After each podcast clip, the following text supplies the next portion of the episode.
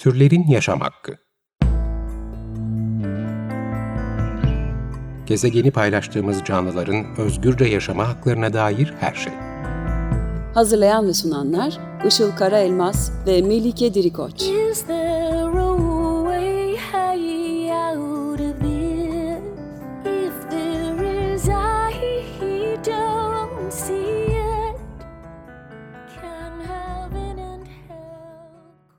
Merhabalar, 94.9 Açık Radyo'da Türlerin Yaşam Hakkı programı başladı. Ben Melike Dirikoç. Merhabalar, ben de Işıl Karaelmaz. Teknik Masa'da Selahattin Çolak'la birlikte kayıt alıyoruz. Bugünkü destekçilerimiz Onur Yurtsever ve Ezgi Nur Akıncı'ya teşekkür ederek başlayalım. Bugün veganların sıkça karşılaştığı bir soruyu ele alalım istedik. Henüz bu programda e, konuşmadığımız bir konu bu. Çoğumuza tanıdık gelecektir. Bal da mı yemiyorsun sorusu. Evet, veganlık hayvan sömürüsünü kökten reddeden bir duruş olduğu için hiçbir hayvansal ürünü tüketmemek anlamına geliyor ve bunu arıların binbir emekle ürettikleri bal ve diğer o ürünleştirilen arı çıktıları da dahil tabii ki. Nedenlerini de şimdi konuğumuzla birlikte konuşacağız. Konuğumuz bir veteriner hekim adayı ve aynı zamanda vegan bir aktivist. Irmak Alpaslan kendi ders notları ve kitaplarından yararlanarak arıcılık sektörüyle ilgili yeni bir makale yazdı ve yayınladı geçtiğimiz günlerde. Irmak hoş geldin. Merhabalar, hoş buldum. Hoş geldin Irmak. Ee, aslında bal damı söyleminde e, türcülüğün de işin içinde olduğunu e, söyleyebiliriz bence. İnsanlar maalesef daha çok bağ kurabildikleri hayvanları önemseme eğiliminde olabiliyor. E, ve hayvanlar e, boyut olarak küçüldükçe de sanki acı çekme kapasiteleri e, konusunda daha vurdum duymaz da olunabiliyor. Onlar sanki daha az acı çekiyormuş gibi e, belki düşünülebiliyor. Ancak tüm hayvanlar boyutları ya da insana ne derece benzediklerinden bağımsız olarak etik açıdan değerliler ve hepsi de özgür şekilde minimum insan müdahalesiyle yaşama hakkına sahipler bu dünyada. Ee, şimdi arıların balı amaçsızca hatta insanlar yesin diye yaptıklarına dair inançlar var biliyoruz ki maalesef. E, bu durum insan merkezci zihniyetin ve hayvanların e, insanların menfaatleri için çalışan adeta köleler olduğu e, algısından besleniyor. Peki Irmak gerçekte arı balı neden yapıyor? Ya aslında arı balı tamamen kendisi için üretiyor. Yani insanlara yarar olsun, onlar da faydalansın diye bir düşünceye girmiyorlar. E, aynı ayıların kuş uykusuna yatma olayının hani farklı bir versiyonunu sergiliyorlar aslında ve kovanın içinde e, üzüm salkımı gibi kümeleşiyorlar. Ayılar da hani biliyoruz ki kışın hayatta kalmak için kış uykusuna yatmadan önce yazın avladıkları balıkların sadece yağlı kısımlarını depolarlar ki e, hayatta kalabilsinler. O kışın bu eforu uyurken harcadıkları eforun yerini tutabilsin diye. Arılar da aynı şekilde onlara enerji sağlayacak şeker oranı %82 olan bir balla kışı geçiriyor ve tekrardan bal yapma döngüsüne girmek üzere yazı bekliyorlar. Yani bu olay sürerken de insanlar e, nasıl daha fazla bal üretimini arttırırız, nasıl daha fazla bal üretimini sağlarız diye çeşitli yöntemler geliştirmişler kendilerince temelde araya şekerli su, şurup vesaire verip e, gereğinden fazla çalıştırıp daha fazla bal üretmesini sağlamak var. Sonrasında da onların o kadar uğraşla yaptığı balığı, hakkı olan balı ondan alma mantığı gidiyorlar. Evet, nedense biz arının balı kendisi için yaptığını duyunca çok şaşırıyoruz. Yani insanlar için ürettiği veya kendisi o balı kullanmadığı gibi bir zannımız var. Çok içselleşmiş durumda. Aynı şekilde de balın sanki fazla fazla doğada bulunan bir şey olduğu algısı da var. Ama biliyoruz ki dediğin gibi senin de arı, bu bal arının çok uzun sürede ve çok fazla emek sarf ederek yaptığı bir şey. Hatta bu nedenle zaten arı gibi çalışkan gibi e, deyimimiz de vardır. Peki bir arı ne kadar sürede ne kadar bal üretebiliyor? Ya ben aslında yazdığım makalede de bu olaya e, böyle çarpıcı detaylarıyla değinip örneklemiştim. Mesela bir işçi arı 2 kilo bal yapmak için 380 bin kilometre kadar yol kat ediyor. Bu da oranlandığında ayla dünya arasındaki mesafeye eşdeğer oluyor. Bu kadar mesafeyi gidip geliyor, uçuyor, efor sarf ediyor ve bu e, azim ve çalışkanlıkla 7 hafta boyunca çalışan bir arı sadece bir çay kaşığı bal üretebiliyor. Evet yani aslında bol bol var dediğimiz bal e, hiç de öyle değil. Çok çok büyük bir emeğin sonucu çok az üretilebiliyor. Kesinlikle, kesinlikle. Peki e, Irmak arının bal yapma süreci nasıl oluyor? Bundan da bahsedebilir misin? Arının bal yapma süreci şöyle aslında hani adlandırılan çiçek balı, çam balı diye e, basite indirgenmiş kelimeler var. Kesinlikle bu şekilde değil. Bal hiçbir şekilde çamdan veya çiçekten damlamıyor. arılar polen tanelerini özveriyle ve uğraşlarla işleyerek bal haline getiriyorlar. Günlerce uğraşıyorlar.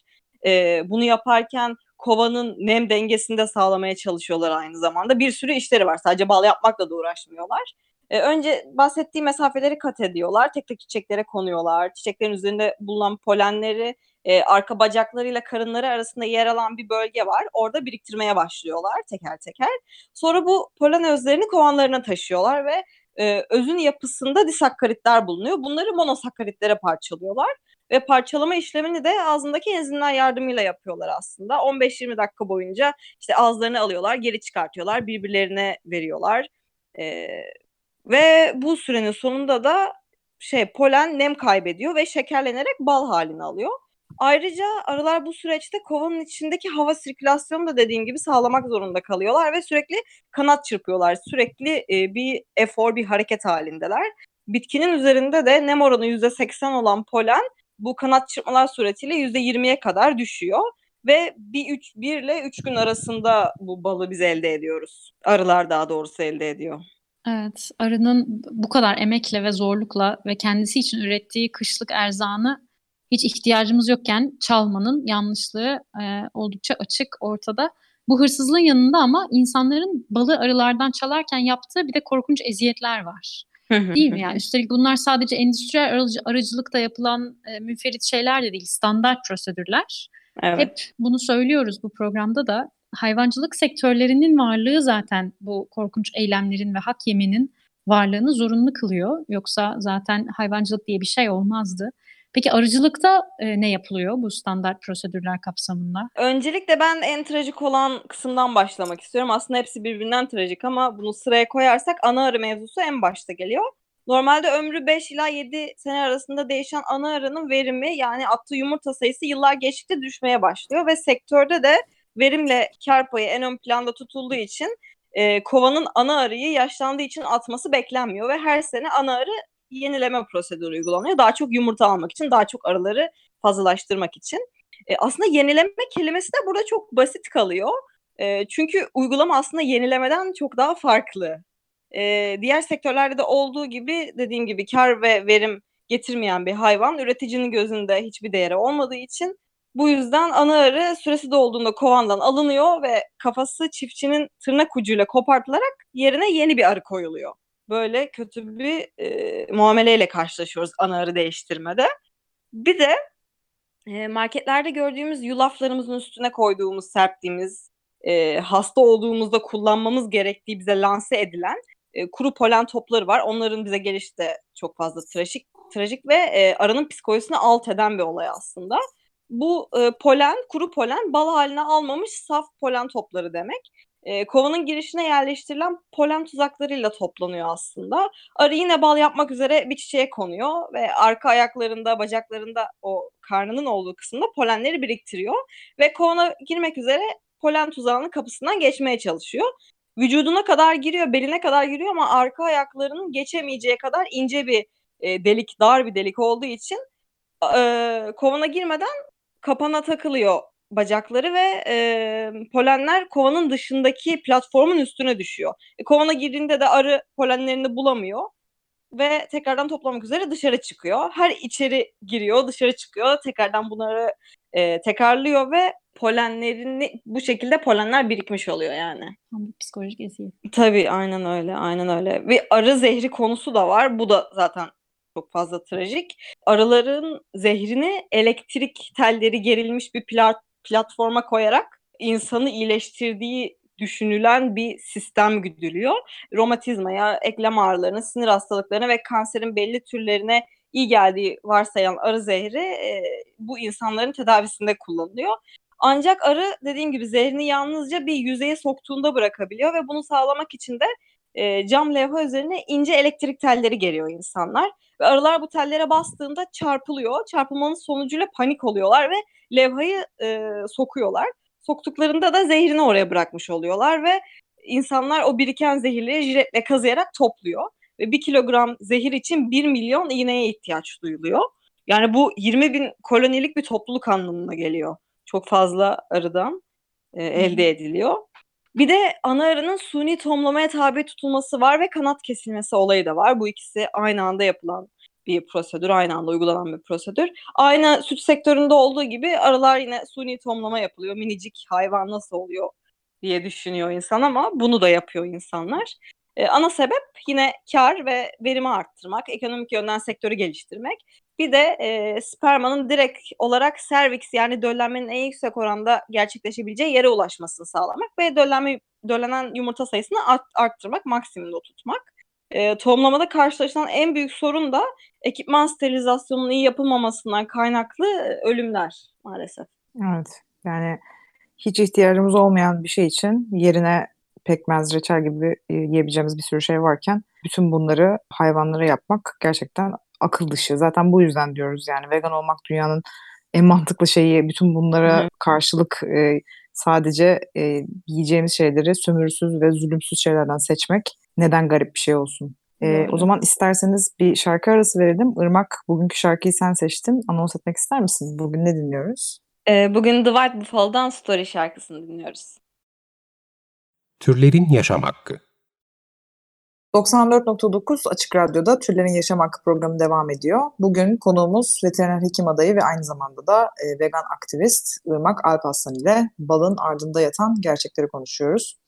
E, Irmak şarkıdan önce e, insanların bal yemeleri uğruna arılara yapılanlardan bahsettin. Peki arılar e, bu standart prosedürler e, dışında başka ne gibi korkunç şeylerle karşılaşabiliyorlar? Arılar genelde Amerikan yavru çürüklüğü diye bir hastalık koloniyi sardığında kovanı yakma prosedürü uyguluyor çiftçiler. Ancak kışa girerken arı sayısını azaltmak amacıyla kovanları poşetlere doldurup güneş altına koyma, su, su dökerek boğma, yakma gibi işlemler de uygulanıyor çok canice. Ee, aslında tamamen yemden tasarruf ve kolaya kaçma amacı güdülüyor bunlar uygulanırken. Ee, bir diğer kasten öldürme olayı da kovanın kraliçe arıyı beğenmeyip reddetme dürtüsü. Ee, bazı durumlarda kovan ana arıyı istemiyor ve arıcılar sektör yani ana arı çok pahalı olduğu için önce kanat kesme metoduna yöneliyor. Kanatları arının kovandan kaçmasın diye kesiliyor ve zaten suni tohumlamayla döllenmiş olan arı kovandan dışarı çıkamıyor ve yaşamasına izin verilen insanların biçtiği süre boyunca işçiler onu reddetmezse e, kovanda yumurtlamaya devam ediyor. Ancak reddedilirse işçiler tarafından e, çiftçiler arının, arının üzerine en başta bir sigara dumanı üfleme, soğan veya sarımsak gibi baskın kokulu sebzeler sürme yöntemini uyguluyor ve ana arıyı kovana bir kez daha koyuyor, bakıyor işçiler kabul edecek mi diye. E, bu da işe yaramazsa eğer ana arı bir kenara atılıyor ve kovana yeni bir ana arı tahsis ediliyor. Tabii diğerinin kaderinde ne olacağını hepimiz tahmin ediyoruzdur. Kimse de bunu umursamıyor. Zaten kanatları ondan alınmış olan bir hayvan e, uçamıyor, kaçamıyor ve bir köşede ölmeyi bekliyor. E, daha insani denilebilecek yöntemler de var aslında. Mesela oğul bölmek. Oğul demek e, kovandaki erkek arıların e, çoğalması anlamına geliyor. Ama erkek arılar aslında kovanda çok istenmiyor çünkü bal yapamıyorlar. Sadece dişiyle çiftleşiyorlar ve içerideki balı tüketiyorlar.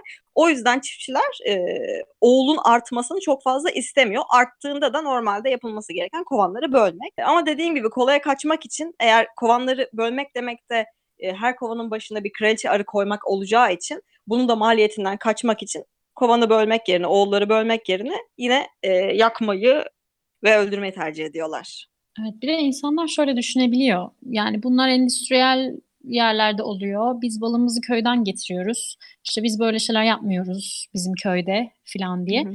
Geçen hafta da biz mutlu sömürü başlığı altında tam da bunu konuştuk. Yani bu tarz doğal yerlerden gelince sanki bu işte hiç yanlış bir şey yokmuş gibi zannediliyor veya yüzlerce yıldır süre geldiği için örneğin bal yemek normal kabul ediliyor. Ama hayvanlara ait olan ve kendisi için ürettikleri gıdayı çalmayı, onların özgürlüğünü ellerinden almayı, onları parayla alıp satmayı hangi doğal yöntem meşrulaştırabilir ki? Yani bunun adı her ne koşulda olursa olsun sömürüdür ve bu etik değildir. Ve bu eylemlerin de iyi bir versiyonu yok gibi görünüyor. E, ve hayvanlar bu şekilde bizim için bir şeyler üreten makinalar olarak görüldükçe bu insanların onlara her şey yapabilecekleri bir ortam hazırlıyor tabii. Çünkü hakkı olmayan öznelere neyin reva görüleceğine ona baskı uygulayan kişiler tarafından karar verilmiş oluyor. Ee, Irmak sana da fikrini sormak istiyorum bu konuda. Bu araştırmandan sonra e, arılara zarar vermeden arıcılık yapmak mümkün mü sence? Ya da arıcılığın etik bir yöntemi olabilir mi? Ya bence hiçbir hayvanın e, sömürülmesinin etik bir yanı olamaz. Çünkü arı balı kendi için üretiyor ve en basitinden yabancı birinin kovana yaklaşması bile onları strese sokmaya çoktan yetiyor. E, ve sokma girişimine giriyorlar. Neden? Çünkü kendi türlerinden olmayan bir canlı kendi evlerine yaklaşıyor. E, balın ne kadar gerekli olduğu da burada tartışma konusu zaten. Çünkü 100 gramında 82 gram şeker barındıran bir besinden bahsediyoruz yani. Ne kadar mantıklı. Eğer şeker almak istiyorsan doğanın sana sunduğu meyveleri yiyerek de o şeker ihtiyacını karşılayabilirsin. Hani glisemik indeksi bu kadar yüksek olan bir e, besine aslında bedenin ihtiyacı yok. Ve onlarca emek sarf edilip yüzlerce kilometre kat edip kışın tüketmek için ürettikleri balı onlardan karşılıksız alarak şekerli su vermek ya da küçük bir miktar bırakmak bile bence ne kadar etik tartışılır. Bir de balın insanlar için e, sanki böyle mucizevi bir besin olduğu konusunda da beynimiz oldukça yıkanmış durumda.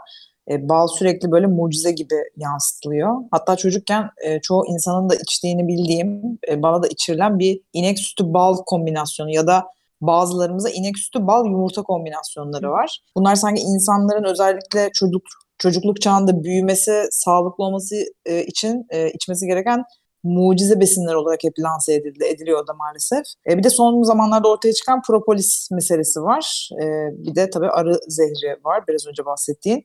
Bunlar e, insanlara gerçekler çarpıtılarak pazarlanıyor.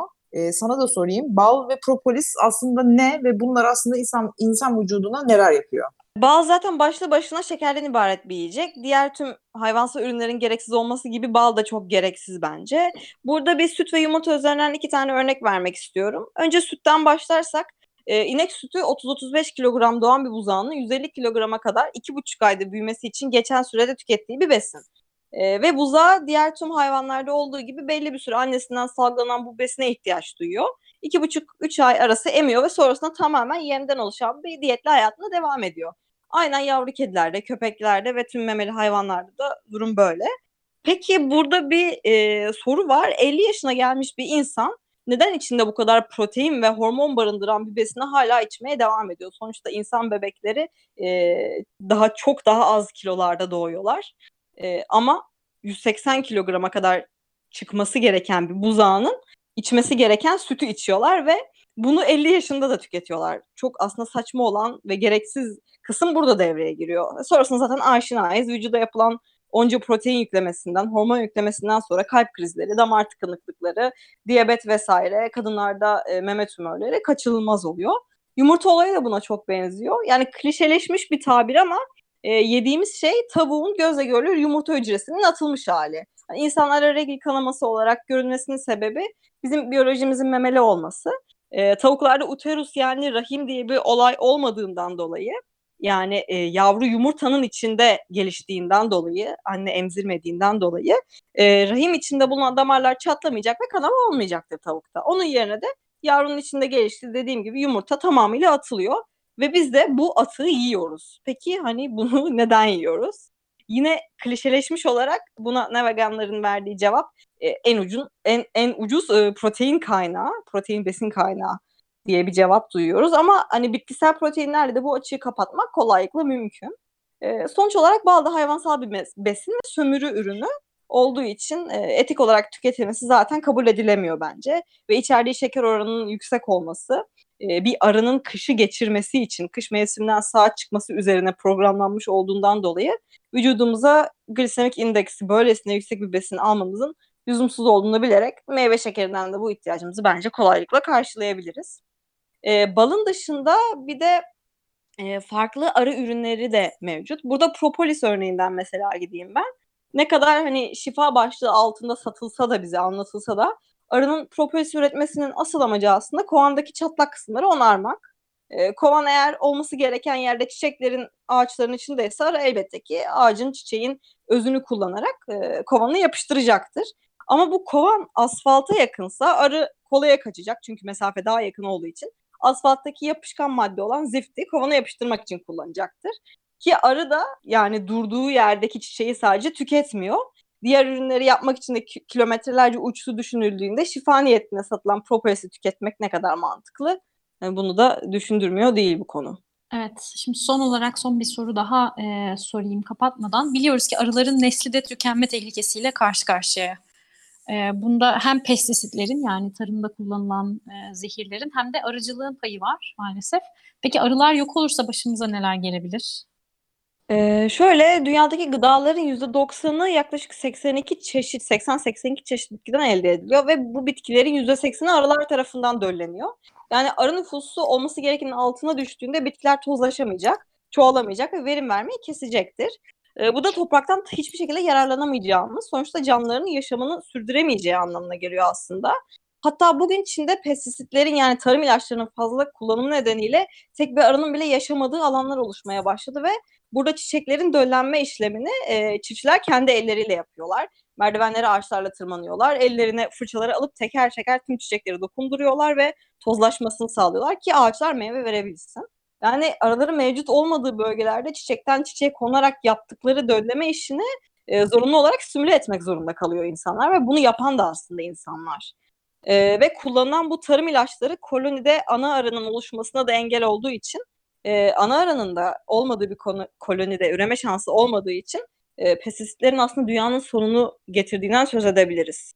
Son olarak şunu da eklemek istiyorum. Ee, aslında çocukluğumuzdan beri e, bize iyi bir insan olmak adına öğretilen bazı şeyler var. Başkalarından çalmamak, e, başkalarına da kendimize nasıl davranmamızı istiyorsak böyle davranmak gibi şeyler. Ve bu öğretileri hayatımızın her alanında, herkes için e, uyguladığımız sürece bence bir anlamı ve tutarlılığı e, olacaktır. Hayvanlar da aynı bizim gibi hayatları için, aileleri için büyük emek harcıyorlar ve hayatlarında olup bitenleri önemsiyorlar. E, bu yüzden de hepimiz gibi onlar da bu saygıyı hak ediyor. Bu dünyada yaşayan bütün e, ekolojik hayatın e, içindeki bütün canlılar bence bu saygıyı hak ediyorlar. Irmak, bu araştırmana insanlar e, nereden ulaşılabilir makalelere? Dinleyiciler diğer makalelerime bütün olarak Vegvorus'tan ve Türkiye Vegan Derneği'nin internet sitelerinden ulaşabilirler. Tamam, Süper. biz de bunları sosyal medya hesaplarımızdan paylaşırız. 94.9 Açık Radyo'da Türlerin Yaşam Hakkı'nın sonuna geldik. Bugün konuğumuz veteriner hekim adayı ve vegan aktivist Irmak Alpaslan'la balın ve arıcılığın ardında yatan gerçekleri konuştuk.